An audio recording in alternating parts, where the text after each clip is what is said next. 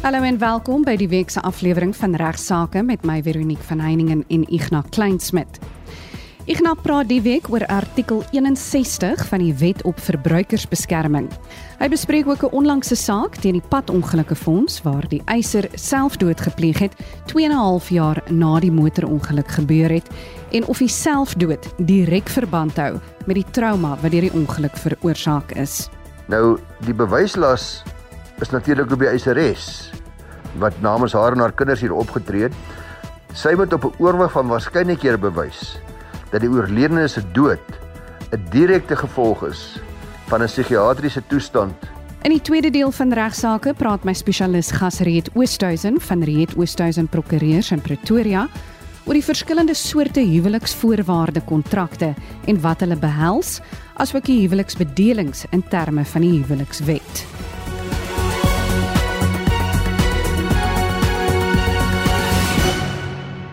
Baie welkom aan Ignas Kleinsmid wat vandag se program begin.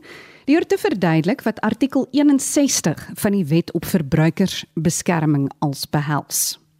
Ja, goeiemôre Veronique en baie welkom ook van my kant aan al ons luisteraars.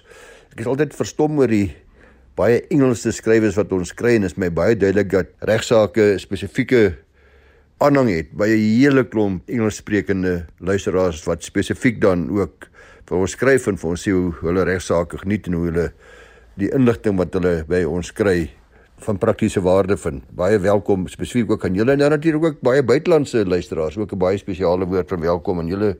Vanoggend lekker om met julle almal te gesels. Hoop jy gaan baat vind en praktiese waarde kry by vandag se inhoud. Terme van artikel 61 van die Wet op Verbruikersbeskerming het die verbruiker 'n eis vir produkte wat defektief is teen verskeie partye in die diensleweringsketting. Daar was 'n ou saak van Donohue en Stevenson al hier in 1932. Toe was die Engelse gemeenereg ontwikkel om voorsiening te maak vir produkte aanspreeklikheid wat effektief beteken dat 'n vervaardiger aanspreeklik gehou kan word deur die verbruiker vir skade wat direk verband hou met die produk of die gebruik daarvan nou. Soos jy almal nou al weet, het hierdie ontwikkeling van die Engelse gemeenereg nou ook op ons eie bodem in Suid-Afrika plek gevind en uh, dis geïnkorporeer in die vorm van artikel 61 van die Wet op Verbruikersbeskerming. Nou ondanks se gevalle waar hierdie wet toegepas is, was byvoorbeeld in die listeriose uitbraak in 2017 wat verband gehou met verskeie van Tiger Brands se vleisprodukte, onder andere en die mees bekendste die uh, Polony. Hierdie listeriose uitbreking het 'n klasaksie dan tot gevolg gehad teen hulle en in terme van die wet op verbruikersbeskerming hoor daar baie wye kombers. Van 'n spreeklikheid gegooi oor verskeie rolspelers in hierdie verskaffingsketting wat die risiko verhoog dat 'n verbruiker die vervaardiger kan aanspreeklik hou vir enige skade wat gelei word as gevolg van 'n voetfout wat deur enige skakel wanneer van daar wat die produk die eerste keer die lig begin sien die boer wat die produk dalk gee vir die fabriek die fabriek wat die inmaak daarvan doen die persoon wat van daar af die produk weer uiteindelik by die kleinhandelaar kry, die kleinhandelaar wat weer die produk aan die verbruiker verskaf. Nou, die ketting kan verskillende vorms aanneem, maar almal in daai ketting is aanspreeklik in terme van artikel 61 teenoor die verbruiker indien daar 'n defek in die produk is. Die algemene reël in ons reg is dat 'n persoon wat skade of verlies gely het as gevolg van wat veroorsaak is, moet kan bewys natuurlik dat die skade die ander persoon se skuld is, want in terme van artikel 61 word 'n weiersin van aanspreeklikheid nou toegepas wat die howe nou die diskresie gee om verskeie rolspelers in hierdie verskaffingsketting aanspreeklik te hou vir die verlies gelei deur die verbruiker. Let wel, sonder dat die verbruiker hoef te bewys dat enige iemand spesifiek vir die opset verantwoordelik was. Dat dit op ander woorde iemand se spesifiek se skuld was. Die bewyslas is dus makliker oorkombaar in vergelyking met die gemeenereg kontraktuele of deliktuele eise. Die vraag is dan nou luisteraars, wie kan eis vir skade in terme van hierdie artikel 61? Net verbruikers soos gedefinieer in terme van die wet kan dit doen. 'n Verbruiker word dan gedefinieer as iemand aan wie die bepaalde goedere of dienste in die gewone loop van die verskaffer se besigheid verskaf word. Daar hoef geen kontraktuele verhouding tussen die potensiële verweerder en die verbruiker te wees vir doeleindes van eise in terme van hierdie artikel nie. Die ander vraag wat mense gereeld vra is watter skade moet gelei word voor daar 'n werklike aanspreeklikheid ontstaan. En die wet maak hier ook baie duidelik voorsiening dat die verbruiker kan eis vir skade wat ontstaan uit dood, besering of siekte van 'n persoon, fisiese skade of verlies van eiendom, enige ekonomiese verlies wat direk verband hou met hierdie produk. Maar let wel, dis nie 'n geslote lys nie. En wat moet die skade veroorsaak?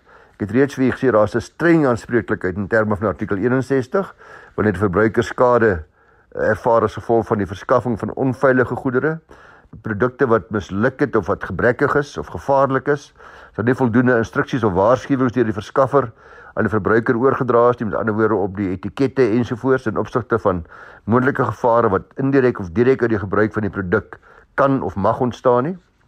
So almal kan aanspreeklik gehou word, die vervaardigers, die invoerders, die verspreiders, die handelaars, die persoon wat die produk installeer of alternatiefelik toegang verskaf tot die produk.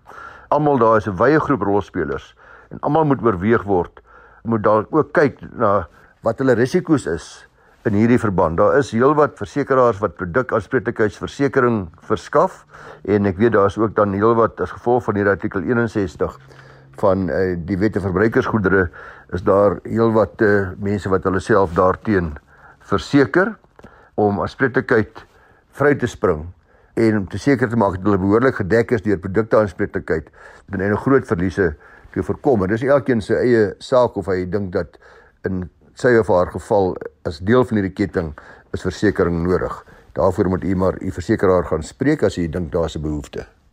Ignas se tweede onderwerp in die week se aflewering van regsaake handel oor 'n onlangse saak wat verband hou met die padongelukke fonds. Luisteraars, ek het bewus geword van 'n baie belangrike saak is LMOBO CM en JM teen die padongelukke fonds hier in 2022 onlangs in die Wes-Kaapse Hooggeregshof beslis. Ek het toe vir Susanne Wette, jong prokureur daar by van Velden Duffy ek weet bekwam is en belangstelling het by hierdie gebied gevra om vir my hierdie saak mooi na te kyk en veral te kyk na die kwessie van kausaliteit wat een van die elemente is van 'n onregmatige daad of 'n delik en wat bepaal dat 'n persoon nie aanspreeklik gehou kan word vir skade as daar nie 'n kausale verband is nie. As dit kan bewys word dat hy dit veroorsaak het nie. Nou die oorledene was op die 21ste Junie 2014 betrokke in 'n motorongeluk waarna 'n eis teen die padongelukke fonds ingedien is vir die ortopediese beserings wat in die ongeluk opgedoen is hierdie oorledene. Hy het daarna die volgende deskundige getuienis gaan sien om sy eis te kwantifiseer: ortopediese chirurge, arbeidsterapeute, bedryfsielkundige, kliniese sielkundige. Maar ongelukkig 2 en 'n half jaar na die ongeluk het hy op 6 Desember 2016 selfdood gepleeg. Dit was nou voordat die eis teen die padongelukke fonds afhandel was. Nou die eis is toe ingestel, maar die eis is toe vir sy vrou en kinders se verlies aan onderhoud teen die padongelukke fonds ook ingedien. Nou die bewyslas is natuurlik op die eiseres wat namens haar en haar kinders hier opgetree het. Sy moet op 'n oorwig van waarskynlikhede bewys dat die oorledene se dood 'n direkte gevolg is van 'n psigiatriese toestand soos byvoorbeeld depressie wat deur die motorongeluk veroorsaak is. Dis daar moet 'n kausale verband wees tussen die motorongeluk en die selfdood. Dit is een van die elemente soos ek sê van die onregmatige daad van voordat mens kan sê daar was 'n delik waarvoor die padongelukke fonds aanspreeklik gehou kan word. Die eiseres was 'n uh, baie baie eerlike getuie. Sy het getuig dat die oorledene nooit met depressie gediagnoseer was nie. Hy het ook geen sielkundige behandeling ontvang nie. Sy het ook verder dadelik erken dat hulle die oggend van sy selfdood 'n argument gehad het. Dit is 'n duidelike aanduiding van 'n moontlike wat ons noem 'n novus actus interveniens, 'n nuwe handeling wat tussen beide getree het, tussen die ongeluk en die selfdood. Sy het verder die getuienis van die bedryfskundige weer lê deur te getuig dat die oorledene se besigheid was al reeds eintlik in die moeilikheid nog voor die ongeluk en dat dit nie weens die ongeluk se beserings was nie soos wat die bedryfskundige getuig het nie. Die oorledene se ma het ook getuig dat daar geen tekens was dat die oorledene depressief was nie. So en die bedryfskundige en die kliniese sielkundige het ook getuig, maar die hof het was nie baie beïndruk met hulle getuienis nie en gesê dat daar betekenisvolle rooi vlae of waarskuwingstekens is met die oorweging van hulle getuienis se waarde want die bedryfskundige het in haar verslag tot die gevolgtrekking gekom dat die oorledene sy eie lewe geneem het as gevolg van die beserings wat hy in die ongeluk opgedoen het, maar sy het later toegegee tydens kruisondervraging dat dit eintlik verkeerd was vir haar om daardie gevolgtrekking te maak omdat dit buite die bestek van haar kundigheid was. Nou vir die luisteraars wat dalk nie weet nie, 'n bedryfskundige se doel is wanneer jy so eens instel teen die padongelukke fonds is om verslae op te stel oor die verdien vermoë van 'n persoon en ook moontlike loopbaanbevordering voor en na die ongeluk. So hulle doel is meer om eers te kwantifiseer en beslis nie om afleidings te maak soos hy gemaak het oor die redes vir die neem van sy eie lewe nie. Die kliniese sielkundige daarteen het die oorledene skamele 3 weke voor sy selfmoord geëvalueer. Sy het getuig dat sy haar notas moes nagaan toe sy gehoor het van die selfdood omdat sy gedink het sy het iets gemis omdat sy net tydens haar aanvanklike evaluasie regtig psigiatriese behandeling vir hom aanbeveel het nie. Sy het ook uiteindelik met ander woorde toegegee dat daar gevolgtrekking na verslag dat die oorledene se oordeel aangetast was weens sy beserings in die motorongeluk uh gelei het na die selfmoord.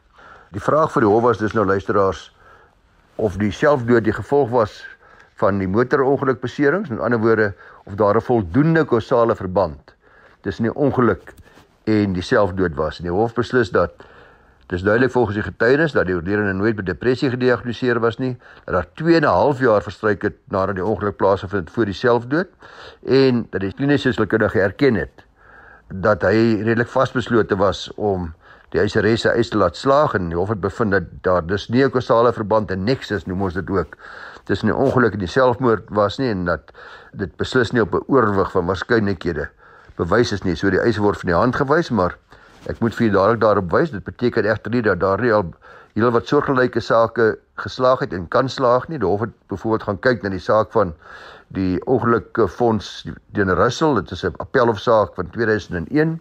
En daardie saak het die Hoogste Hof van Appel bevind dat die oorledene 'n breinbesering opgedoen het en daar voldoende bewyse was om aan te toon dat hierdie breinbesering tydens die motorongeluk opgedoen is, depressie veroorsaak het wat uiteindelik tot sy dood gelei het. Of dit is duidelik dat elke saak maar op sy eie meriete individueel oorweeg moet word, maar wat die toets vir kausaliteit betref, praat ons van juridiese kausaliteit en dan is daar ook feitelike kausaliteit. Dit is die sogenaamde condite sine qua non teorie of die in Engels praat hulle van die but for. As dit nie was vir teorie nie, dan as dit nie was vir nie, dan beteken dit dan is daar kausaliteit as die antwoord daarop ja is. So as jy na die teorie mooi kyk, is 'n handeling die oorsaak van 'n gevolg indien die handeling nie weggedink kan word sonder dat die gevolg ook te gelyk verdwyn nie. 'n Bietjie tegnies van aard, ek eh, ek verstaan dit. Die vraag doen hom voor wanneer bepaal moet word vir watter van die gevolge wat feitelik deur 'n dader se onregmatige skuldige handeling veroorsaak as herspreeklik gehou kan word. Dit word algemeen gestel luisteraars dat die dader nie aanspreeklik is vir skade wat te ver van die handeling verwyder is nie. Daarom is die tydfaktor ook in hierdie geval baie belangrik van 2 en 'n half jaar wat verstryk het vanaf die ongeluk tot die selfdood. So baie dankie aan Susan. Ek dink ons verstaan nou almal baie mooi wat kausaliteit is en wat bewys moet word uh, voordat mense aanspreeklik is. Dit is dan waar ons die week vir Ignas groet. Baie dankie Ignas vir jou bydrae tot vandag se program. Reed Oosthuizen van Reed Oosthuizen Prokureurs in Pretoria sluit nou by my aan om te praat oor huwelikskontrakte en huweliksbedelings in terme van die huwelikswet. Welkom Reed. Reed, wat is die afkorting waarna daar verwys word wanneer ons praat van huweliksvoorwaarde kontrakte? Goeiemôre Veronique en goeiemôre aan die luisteraars. Ons is so reg binne in lente tyd en in liefde tyd en natuurlik troues is in die lig. Die afkorting waarna jy op soek is is HVK. So dit is die tipiese afkorting waarna ons in regsmond verwys wanneer ons praat oor huweliksvoorwaarde kontrakte. Nou wat beteken die woord huweliksvoorwaarde kontrak of dan HVK nou eintlik? Die woord HVK beteken eintlik presies wat dit sê. Dit is twee partye wat 'n huwelik met mekaar sluit en dit op sekere voorwaardes wil baseer en daardie voorwaardes dan in 'n kontrak vervat. Red, watter verskillende huweliksbedelings is daar beskikbaar? Daar is 3 opsies. 'n Paartjie kan trou binne gemeenskap van goedere of opsie 2 buite gemeenskap van goedere of opsie 3 buite gemeenskap van goedere met insluiting van die aanwasbedeling. Goed. Nou met betrekking tot 'n huwelik binne gemeenskap van goedere, kan jy vir ons verduidelik wat dit presies behels? Om binne gemeenskap van goedere te trou is tipies soos wat ons vandag sal sê, die ou mense verkies het om met mekaar te trou. Dit is wanneer daar geen huweliksvoorwaarde kontrak onderteken word nie en die partye dan outomaties binne gemeenskap van goedere getroud is. Wat dit tot gevolg het, is dat daar op die datum van die huweliksluiting een gemeenskaplike boedel ontstaan en al die bates en al die laste van al twee die partye val op daardie dag van huweliksluiting binne in hierdie gemeenskaplike boedel. As ek dit met 'n voorbeeld kan verduidelik, dit is so goed as op die dag wat ons trou, bak ons 'n koek saam. Ek gee dalk die eiers en die meel vir die resep en jy gee die res van die bestanddele en op daardie dag bak ons die koek. En wanneer die huwelik dan tot 'n einde kom, is daar slegs een wyse om die koek te verdeel en dis om hom in die middel deur te sny. Ek kan nie daardie dag sê ek wil my eiers terug hê en die meel wat ek gegee het nie, want die koek is reeds gebak.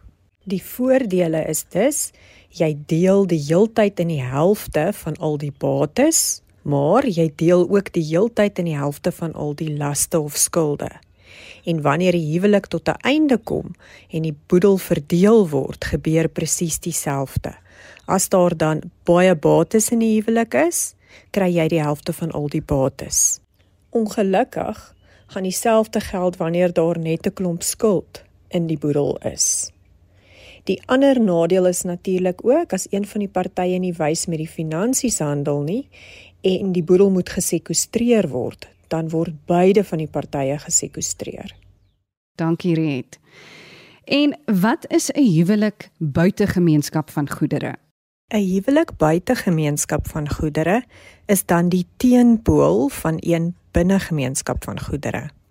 Dit is waar die partye vooraf 'n HVK sal sluit en daarin met mekaar kontrakteer dat elke party sy eie onafhanklike boedel net so sal behou soos wat dit was voor huweliksluiting. Die partye deel dus geensins in mekaar se laste nie, maar ook geensins in mekaar se bates nie. Ook nie in enige winste of in enige verliese nie. Een van die voordele hiervan is dat indien een van die partye deur die loop van die huwelik gesekwestreer sou word, sal dit geen effek hê op die ander party se boedel nie. Wat belangrik is om te onthou by 'n huwelik buite gemeenskap van goedere, is die dag wanneer die huwelik tot 'n einde kom, het sy deur dood of deur egskeiding, word daar geen som gemaak nie, soos wat dit gedoen word in die geval van die aanwas nie, en ons sal hierna daarmee handel, en die partye deel ook nie in enige gemeenskaplike boedel nie, want onthou, hier is nou nie 'n koek gebak wat in die helfte gesny moet word nie. Hier het die partye gekontrakteer op datum van huweliksluiting om elke party se eie onafhanklike boedel te behou. Nou op hierdie einste punt waar ek sopas gesê het, die partye het op datum van huweliksluiting gekontrakteer om elkeen sy eie aparte boedel te behou. Moet ek ook die luisteraars daarop attent maak dat die Hooggeregshof in Pretoria onlangs gedurende Mei maand 'n baie opspraakwekkende beslissing gemaak het. En ek gaan baie kortliks daarmee handel want daar was 'n vorige program in regsaake wat dit in detail bespreek het. Maar die hof het bevind dat 'n gedeelte van artikel 7.3 van die huwelikswet ongeldig is omdat dit neerkom op onbillike diskriminasie. En dit het alles te doen met 'n huwelik buite gemeenskap van goedere. So op die oomblik is daardie uitspraak nog net van krag in die Hooggeregshof in Gauteng se divisie en die konstitusionele hof sal vir ons finale uitslag hierin moet gee. Dis egter net belangrik dat die luisteraars net weer eens hierop attent gemaak moet word. En nou die derde opsie. 'n Huwelik met die aanwasbedeling. Wat is dit? 'n Huwelik met die aanwasbedeling is eintlik 'n tipe van 'n middeweg tussen die twee teenpole van binnegemeenskap van goedere en buitegemeenskap van goedere. Hier moet die paartjies ook met mekaar kontrakteer en 'n HVK sluit en daar word ook ooreengekom dat elke party sy eie afsonderlike boedel sal behou. Jy het dus steeds die voordeel dat as een se boedel gesekwestreer word, dit nie 'n effek sal hê op die ander party se boedel nie. Die aanwasbedeling het egter 'n ander voordeel ook en dit is op datum van huweliksbeëindiging by dood of by egskeiding word daar 'n aanwassom gemaak. En dan word elke party se afsonderlike boedelwaarde bereken.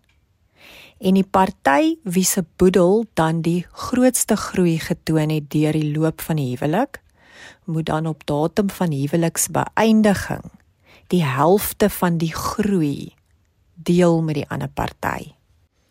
Wat ook belangrik is om te onthou is dat wanneer die HVK gesluit word, sal elke party moet verklaar wat is die beginwaarde van hul boedel waarmee hulle in die huwelik instap. En dan moet elke party ook verklaar of daar enige spesifieke bates is wat hulle sal wil uitsluit van die aanwasberekening.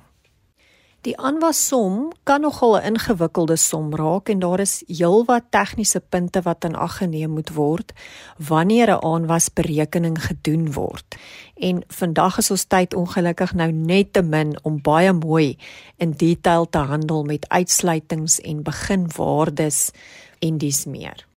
Red, wanneer moet 'n paartjie hulle HVK aangaan en onderteken? Die HVK moet onderteken word voor datum van huweliksluiting en dan word dit na datum van huweliksluiting ingedien by die aktekantoor en word dit geregistreer by die aktekantoor. En net laastens Riet, het 'n paartjie die opsie om na hulle getroud is te kies om hulle huweliksbedeling te wysig. Dit is nie maklik en eenvoudig om jou huweliksbedeling te wysig nie maar artikel 21 van die wet op huweliksgoedere maak wel daarvoor voorsiening. Jy moet dan die Hooggeregshof nader met 'n baie spesifieke hofaansoek om jou bedeling te kan wysig. Dis ongelukkig alwaarvoor ons die week tyd het. Dankie aan Ignas Kleinsmid en Riet Oosthuizen van Riet Oosthuizen Prokureurs in Pretoria vir julle deelname in vandag se program. Ek glo dat indien jy op trou staan, sal jy nou 'n ingeligte besluit kan maak met betrekking tot jou kontrakkeuse. Vir enige navrae stuur gerus 'n e-pos na my toe by vero@rsg.co.za. Van my Veronique van Heiningen groete tot volgende week.